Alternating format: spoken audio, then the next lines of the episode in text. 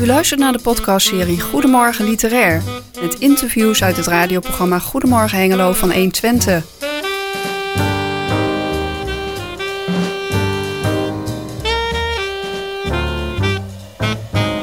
In deze negende aflevering hoort u Chris en Jan Dirk in gesprek met Mariska Overman. Zij schreef de historische roman Schillers Dubbelliefde. Schillers Dubbelliefde, een roman deze keer. Ja. Als variant op uh, toch wel wat uh, thrillers die je hebt geschreven. Ja, ja ander genre. En um, ja, wij zeiden net al eventjes, bijna iedere Nederland kent, ieder Nederlander kent wel een stukje tekst van Schiller. Maar zo heel bekend is die toch ook nog weer niet, hè? Duitse dichter, kun je er iets over vertellen? Ja, de Duitse dichter uh, uit uh, eind 18e eeuw en uh, 1805 gestorven. Dus dat is al even geleden. tijdgenoot van Goethe, een naam die bij de meeste mensen net wat bekender is. Mm -hmm. um, en, ja, en in Duitsland is die ja. echt groot nog, zeg maar. Maar in Nederland denk ik niet dat, dat veel mensen denken van... oh ja, Schiller, die deed dat en dat. Maar als ik zeg toneelstuk Willem Tell...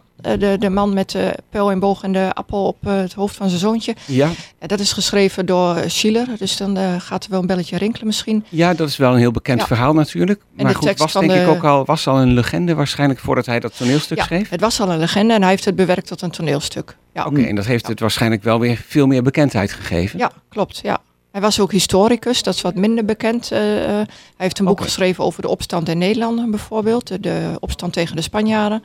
Ah, ja. Dus, ja, ja. Nou, nou las ik ergens dat je verliefd bent geworden op Schiller, ja. maar hij is toch al lang dood. Hoe zit dat nou?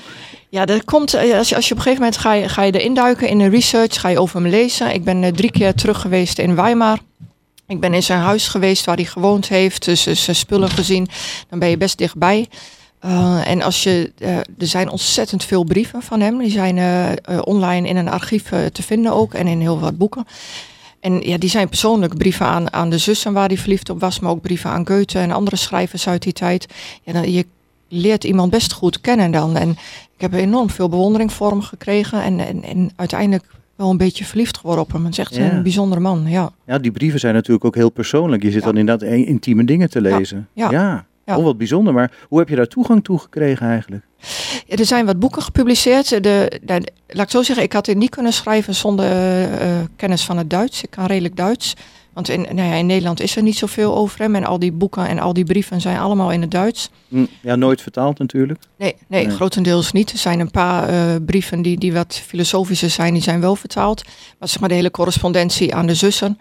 Ja, die, die moet je gewoon in Duits lezen. En die zijn via een Duits archief, die zijn ooit door uh, een stichting online gezet. Dus je kunt, als je wilt, uh, duizenden brieven ah, gaan lezen. Die zijn wel toegankelijk, ja. uh, dus eigenlijk ja. voor iedereen. Ja. ja. Nou je noemt nou de zussen, want dat is ook een belangrijk onderdeel van het boek. hoe zit dat tussen Schiller en die zussen? Ja, het zijn Caroline en Charlotte, twee zussen. die heeft hij leren kennen. In uh, 1787 uh, voor het eerst gezien. En in 1788 heeft hij een zomer met ze doorgebracht in uh. Dat ligt iets onder Weimar. En hij, was eigenlijk wel op zoek naar een, een levenspartner. Hij wilde wel graag een vrouw. En hij wilde vooral iemand die hem in staat stelde om zijn werk te doen. Dus een vrouw die, die de boel thuis draaiende hield. Wat ook wel past in die tijd natuurlijk. Um, en toen leerde hij de zussen kennen. Charlotte was nog vrijgezel. Caroline, de oudste zus, was al getrouwd. En eigenlijk is hij verliefd geworden op beide zussen. Voor hem waren het twee vrouwen die samen eigenlijk de perfecte vrouw waren. Hmm. Want de een uh, was nog vrijgezel en kon mooi de huishoudelijke klusjes doen. Tussen aanhalingstekens even. Ja, ja de, de, simpel gezegd wel. Ja. En de andere uh, was een vrouw de, waar hij zeg maar, op intellectueel niveau ook uh, ontzettend goed mee uit de voeten kon. Waar hij gesprekken mee had. Ook met Charlotte hoor. Ook met de vrouw waar hij mee trouwde. Dat was ook een intelligente vrouw. Mm -hmm. uh, maar goed, Caroline was al bezet. Dus die optie was er sowieso niet. Um, ik weet niet in hoeverre dat echt een rol heeft gespeeld. Want uiteindelijk is zij ook gescheiden en hertrouwd met iemand anders. Dus het was niet zo dat je in die tijd niet meer kon scheiden. Maar hij heeft dus toch voor Charlotte gekozen. En zoals ik het gelezen heb in al die brieven en in uh, zijn brieven ook aan vrienden daarover, uh, zat het toch grotendeels in. Charlotte kon die vrouw zijn die hem de schrijver kon laten zijn. Mm -hmm. ja, Oké, okay, maar ze deelden wel meer dan alleen maar dat. Ja, de, de, de, het is niet helemaal duidelijk wat er precies gebeurd is. Ook uit de brieven niet. Er zijn ook brieven vernietigd, later door uh, een dochter van Schiller. Nou, dat roept natuurlijk wel de gedachte op dat er wel wat gebeurd is eh, tussen hem en eh, de zus waar hij niet mee getrouwd is. Eh, die zus heeft ook een zoon gekregen, waarvan men ook niet zeker weet of dat wel of niet Chiles zoon is. Aha. Dus ja, er, er is wat onduidelijk. En uiteraard, en mijn boek is een roman, heb ik de vrijheid genomen om daar zelf een invulling aan te geven. Om die gaatjes te dichten, ja, ja. Ja, ja, ja, juist. Ehm, eh, je hebt trouwens ook een heel leuk verhaal van. ehm, ik, wil, ik wil een heleboel vragen tegelijk stellen trouwens. Ehm, maar eh, zeg maar het begin, laten we daarbij beginnen. Eh, je bent op een gegeven moment in, in Weimar terechtgekomen, maar dat was niet eens met de intentie om een boek Nee. te schrijven. Want waarvoor ben je die kant op gegaan ook alweer? Ja, ik had gewoon interesse in, in Goethe, Chile, de, de cultuur. Het stond al jarenlang op het verlanglijstje. Weimar een keer zien. En Mhm. ik ben toen, eh, volgens mij was het in 2017, ben ik daar een paar dagen naartoe gegaan met de trein in mijn eentje. Zonder man en kinderen. Dan kan ik ook op mijn dode gemakje de musea in en zo. Zonder dat ze allemaal moeten zitten wachten. Dan laten jouw man en kinderen jou ook even de schrijver zijn. Ja, ja, Nou. ja, die geven die ruimte inderdaad. Eh, Dat, dat is heel lief. Daar ben ik ook heel blij mee.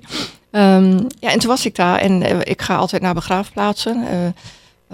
en dat deed ik daar ook. Want op de begraafplaats daar eh, wist ik ook dat de sarcofaag van eh, Goethe en Schiele was. En die wilde ik zien in de hertogelijke tombe.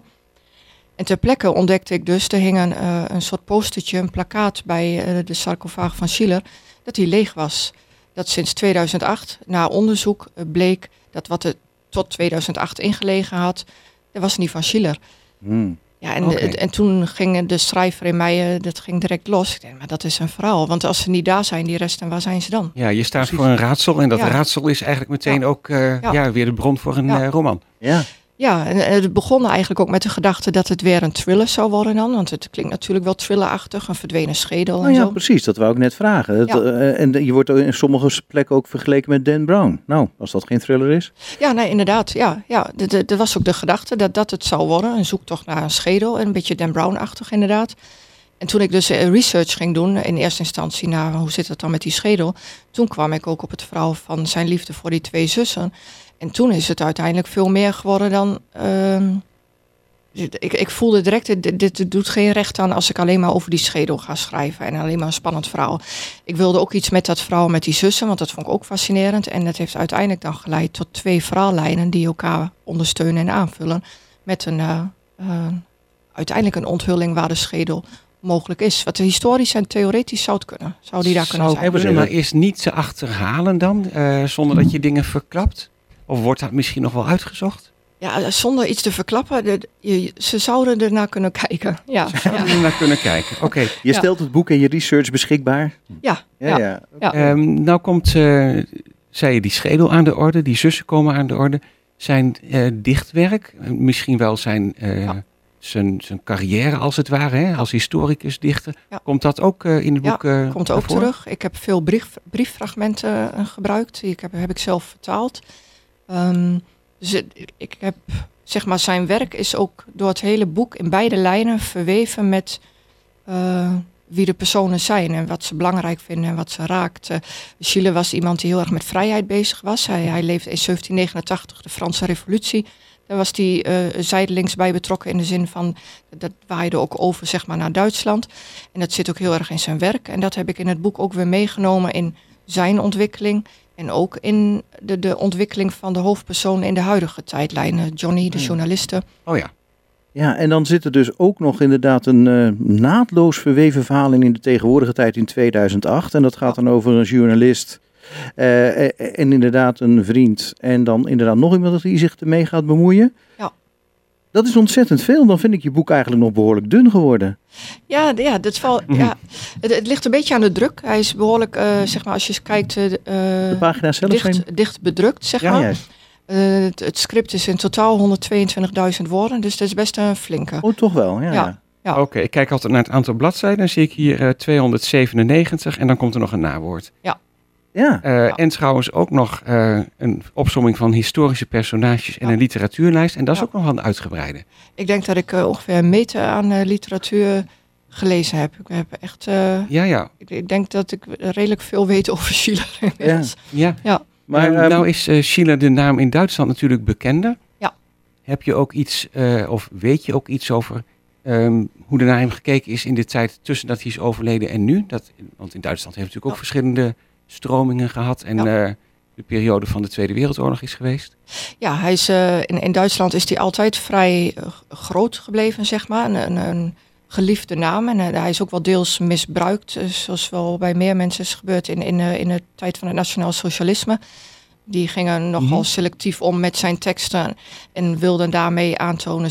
Chile was al bezig met, met het perfecte ras en noem maar op, wat bij Nietzsche ook wel gebeurd is. Ja. Uh, net hebben ze bij Chile ook gedaan. Uh, terwijl Chile helemaal niet in die hoek zit. Maar goed, ja, het geldt voor alle teksten. Als je daar uh, wat dingen uitkiest, kun je het wel heel erg naar je eigen ideaalbeeld schetsen. Ehm, dat heeft misschien wel iets negatiefs met zijn naam een tijdje gedaan, maar ik, ik heb niet de indruk dat dat nog zo is. Als ik in, in Duitsland nee, nee, okay. ben, is, is Chile is echt wel, ja, daar wordt wel tegenop gekeken. Het is gewoon wel een grote naam. Ja, ja is een grote weer. naam, ja. Um, ik had ook gelezen, ik geloof ook in een krantartikel wat vandaag in de Tubantia stond, uh, dat uh, Goethe bekender is geworden omdat hij wat handiger was in de PR. Ja, dat is in de, in de huidige termen zou je dat zo kunnen zeggen. Ja, ja de, de, hij had betere kaarten. Hij komt uit een betere, uh, had een betere achtergrond dan Chile had. Dat was natuurlijk in die tijd al helemaal groot mm -hmm. voordeel. Um, ja, hij, hij, het was een wat, uh, hij zat ook in de politiek. Uh, hij was breed georiënteerd, wetenschappen. Hij was wat diplomatieker in, in omgang met mensen waarschijnlijk. Chile was wat, zeker toen hij jong was, wat onstuimiger. En heeft zich ook ontrokken aan het hertogelijk gezag. Uh, die, ja, en dat werkt dan toch tegen je als je verder wilt komen waarschijnlijk. Is ja. ook grote frustratie geweest voor Chile. Dat, dat zie je wel terug in zijn brieven. Okay, ja. Hij keek ook erg op tegen Goethe. Ja, dat deed iedereen in die tijd. Maar omdat hij wat radicaler was, vond jij hem eigenlijk juist leuker, hè? Ja, uh, ja. ja. ja ik, hou, ik heb een zwak voor, voor mensen die zeg maar, op de barricaden staan. En uh, bij Chile sprak me dat ook heel erg aan, dat hij, ja, dat hij dat gevecht aandurfde. Dat hij zich durfde ontworstelen aan, aan wat zijn vader van hem verlangde, wat de hertog van hem verlangde. En dat vind ik bijzonder. Oké, okay, want wat werd, wat werd er van hem verwacht? Dat hij dan de lijn doorzette? Of, uh... Hij, hij, is opgeleid, hij is uh, uh, op een militaire school geplaatst in, in het hertogdom waar hij vandaan kwam. Uh, en daar is hij tot arts opgeleid, regimentsarts. Het beroep heeft hij ook even uitgevoerd. maar dat wilde hij eigenlijk helemaal niet worden. Hij wilde gewoon gedichten schrijven. En daarom is hij uiteindelijk ook ontsnapt uit zijn hertogdom. En dat was een voordeel in die tijd. Duitsland was toen zeg maar een soort lappendeken van allerlei kleine hertog- en, en koninkrijkjes. Dus hij kon tussen haakjes simpel naar een volgend hertogdom gaan. En dan had hij daar niet meer zoveel last van. Maar goed, dat betekende ook, want zijn ouders wonen daar wel, dat hij daar een tijdje niet naar terug kon. Maar dat deed hij wel en dat, dat vind ik heel dapper voor iemand Hmm. in die tijd. Nou, dat is dan een nou, behoorlijk dus- slechte relatie met zijn vader geworden dan, eh, denk ik. Ja, ja, ja het, het valt mee, denk ik. Eh, ik denk dat in die tijd het, dat er niet op die manier met elkaar daarover gesproken werd. Hmm. Maar hij had wel die behoefte om zich daaraan te onttrekken. Ja. Oké, nou je bent dus eigenlijk wel ook privé over hem, behalve zijn eh, wat ongebruikelijke relatie, Ja. eh, heel veel over hem te weten gekomen. Ja. Ehm, nou zit ik nog even over die schedel, want dat is Ja, een, ja. een belangrijk Ja, iets in het ja. boek natuurlijk, die zoektocht daarnaar. Ja.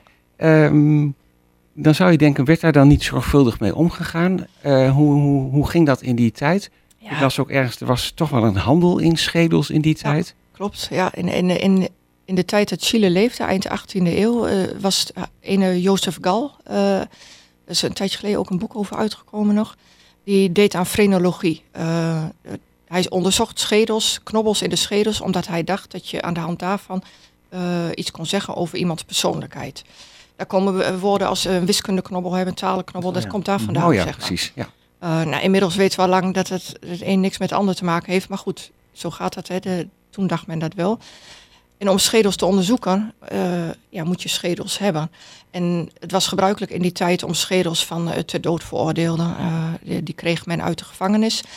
Maar dat waren zeg maar de criminelen. Men wilde ook graag schedels hebben van mensen die, die aanzien hadden. Mensen die intelligent waren, die iets bereikt hadden in het leven. Dus ontstond er op een gegeven moment ook een handel in schedels, onder andere van Haydn, uh, de uh, componist. Uh, Mozart's schedel is ook nog steeds, is in 2006 duidelijk van geworden dat Ah, dat is een vervolgverhaal, het volgende boek. Ja? de volgende boek, ja.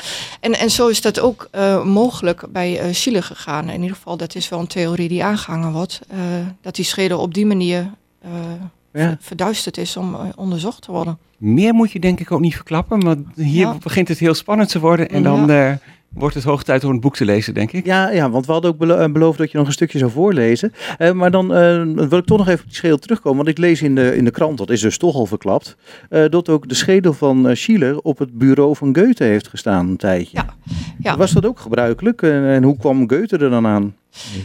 Dat is inderdaad, hij is, in 1805 is hij eh, eh, begraven. En in 1826 heeft men hem opgegraven omdat de toenmalige burgemeester dacht...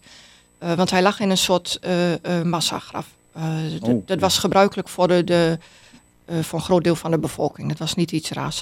En die burgemeester dacht, maar Chile, grote naam... Hij, heeft, hij moet eigenlijk een eigen graf krijgen. En toen hebben ze dus opgegraven. Hebben ze onderzocht welke schedel mogelijk van hem was. Want het was allemaal niet meer goed. Het was allemaal vervallen, zeg maar. Ja, ja. Uh, en toen heeft tussen die tijd en dat de schedel uiteindelijk in die sarcofaag is bijgezet, uh, uh, in die hertogelijke tombe, waar ik hem dus ook uh, gezien heb, uh, heeft hij een jaar bij Goethe gestaan en die heeft daar ook nog een gedicht over geschreven uh, op basis daarvan. Ja, want zij waren vrienden en Goethe wilde hem een tijdje nabij hebben. Heel merkwaardig Mooi. idee trouwens. Ja. Ja. Uh, en een fragment uit het boek. Uh, je wilde nog iets gaan voorlezen. Ik ga een stukje voorlezen, ja. Nou, wij luisteren. Het is een stukje uit de huidige tijdlijn, dus uit 2008, van de hoofdpersoon, de journaliste die in het Chilehuis in Weimar is. Het huis waar Chile ooit gewoond heeft. Langzaam draaide ik me om naar de kant van de kamer waar het bed stond waarin Chile zijn laatste adem uitblies. Dat wrang genoeg tegen dat groene behang stond. Na jaren met een verzwakte gezondheid te hebben geleefd, moest zijn lijf de strijd, ruim voor de ouderdom bereikt was, opgegeven. Wat moet het zwaar zijn geweest? Zoveel in zijn hoofd, al die ideeën, die genialiteit en dan een lijf dat niet meewerkte. De lijst misselijkmakende aandoeningen die uit de autopsie naar voren waren gekomen was lang. Etterende ontstekingen op talloze plaatsen, darmen vergroeid met het buikvlies, een ernstig verzwakte hartspier waren slechts een deel van de ellende. Toch bleef hij doorwerken, zo ziek dat hij op het laatst niet eens meer zijn in zijn slaapkamer sliep, maar in zijn werkkamer, tussen die giftige muren. Hij had geen idee gehad. Ik stelde me voor hoe zijn kinderen op kousenvoeten langs slopen, hoe zijn vrouw in al die jaren alles draaiende hield, zodat haar man zijn werk kon doen, ongestoord. En nu stond ik hier, eeuwen later in hun privédomein, surrealistisch.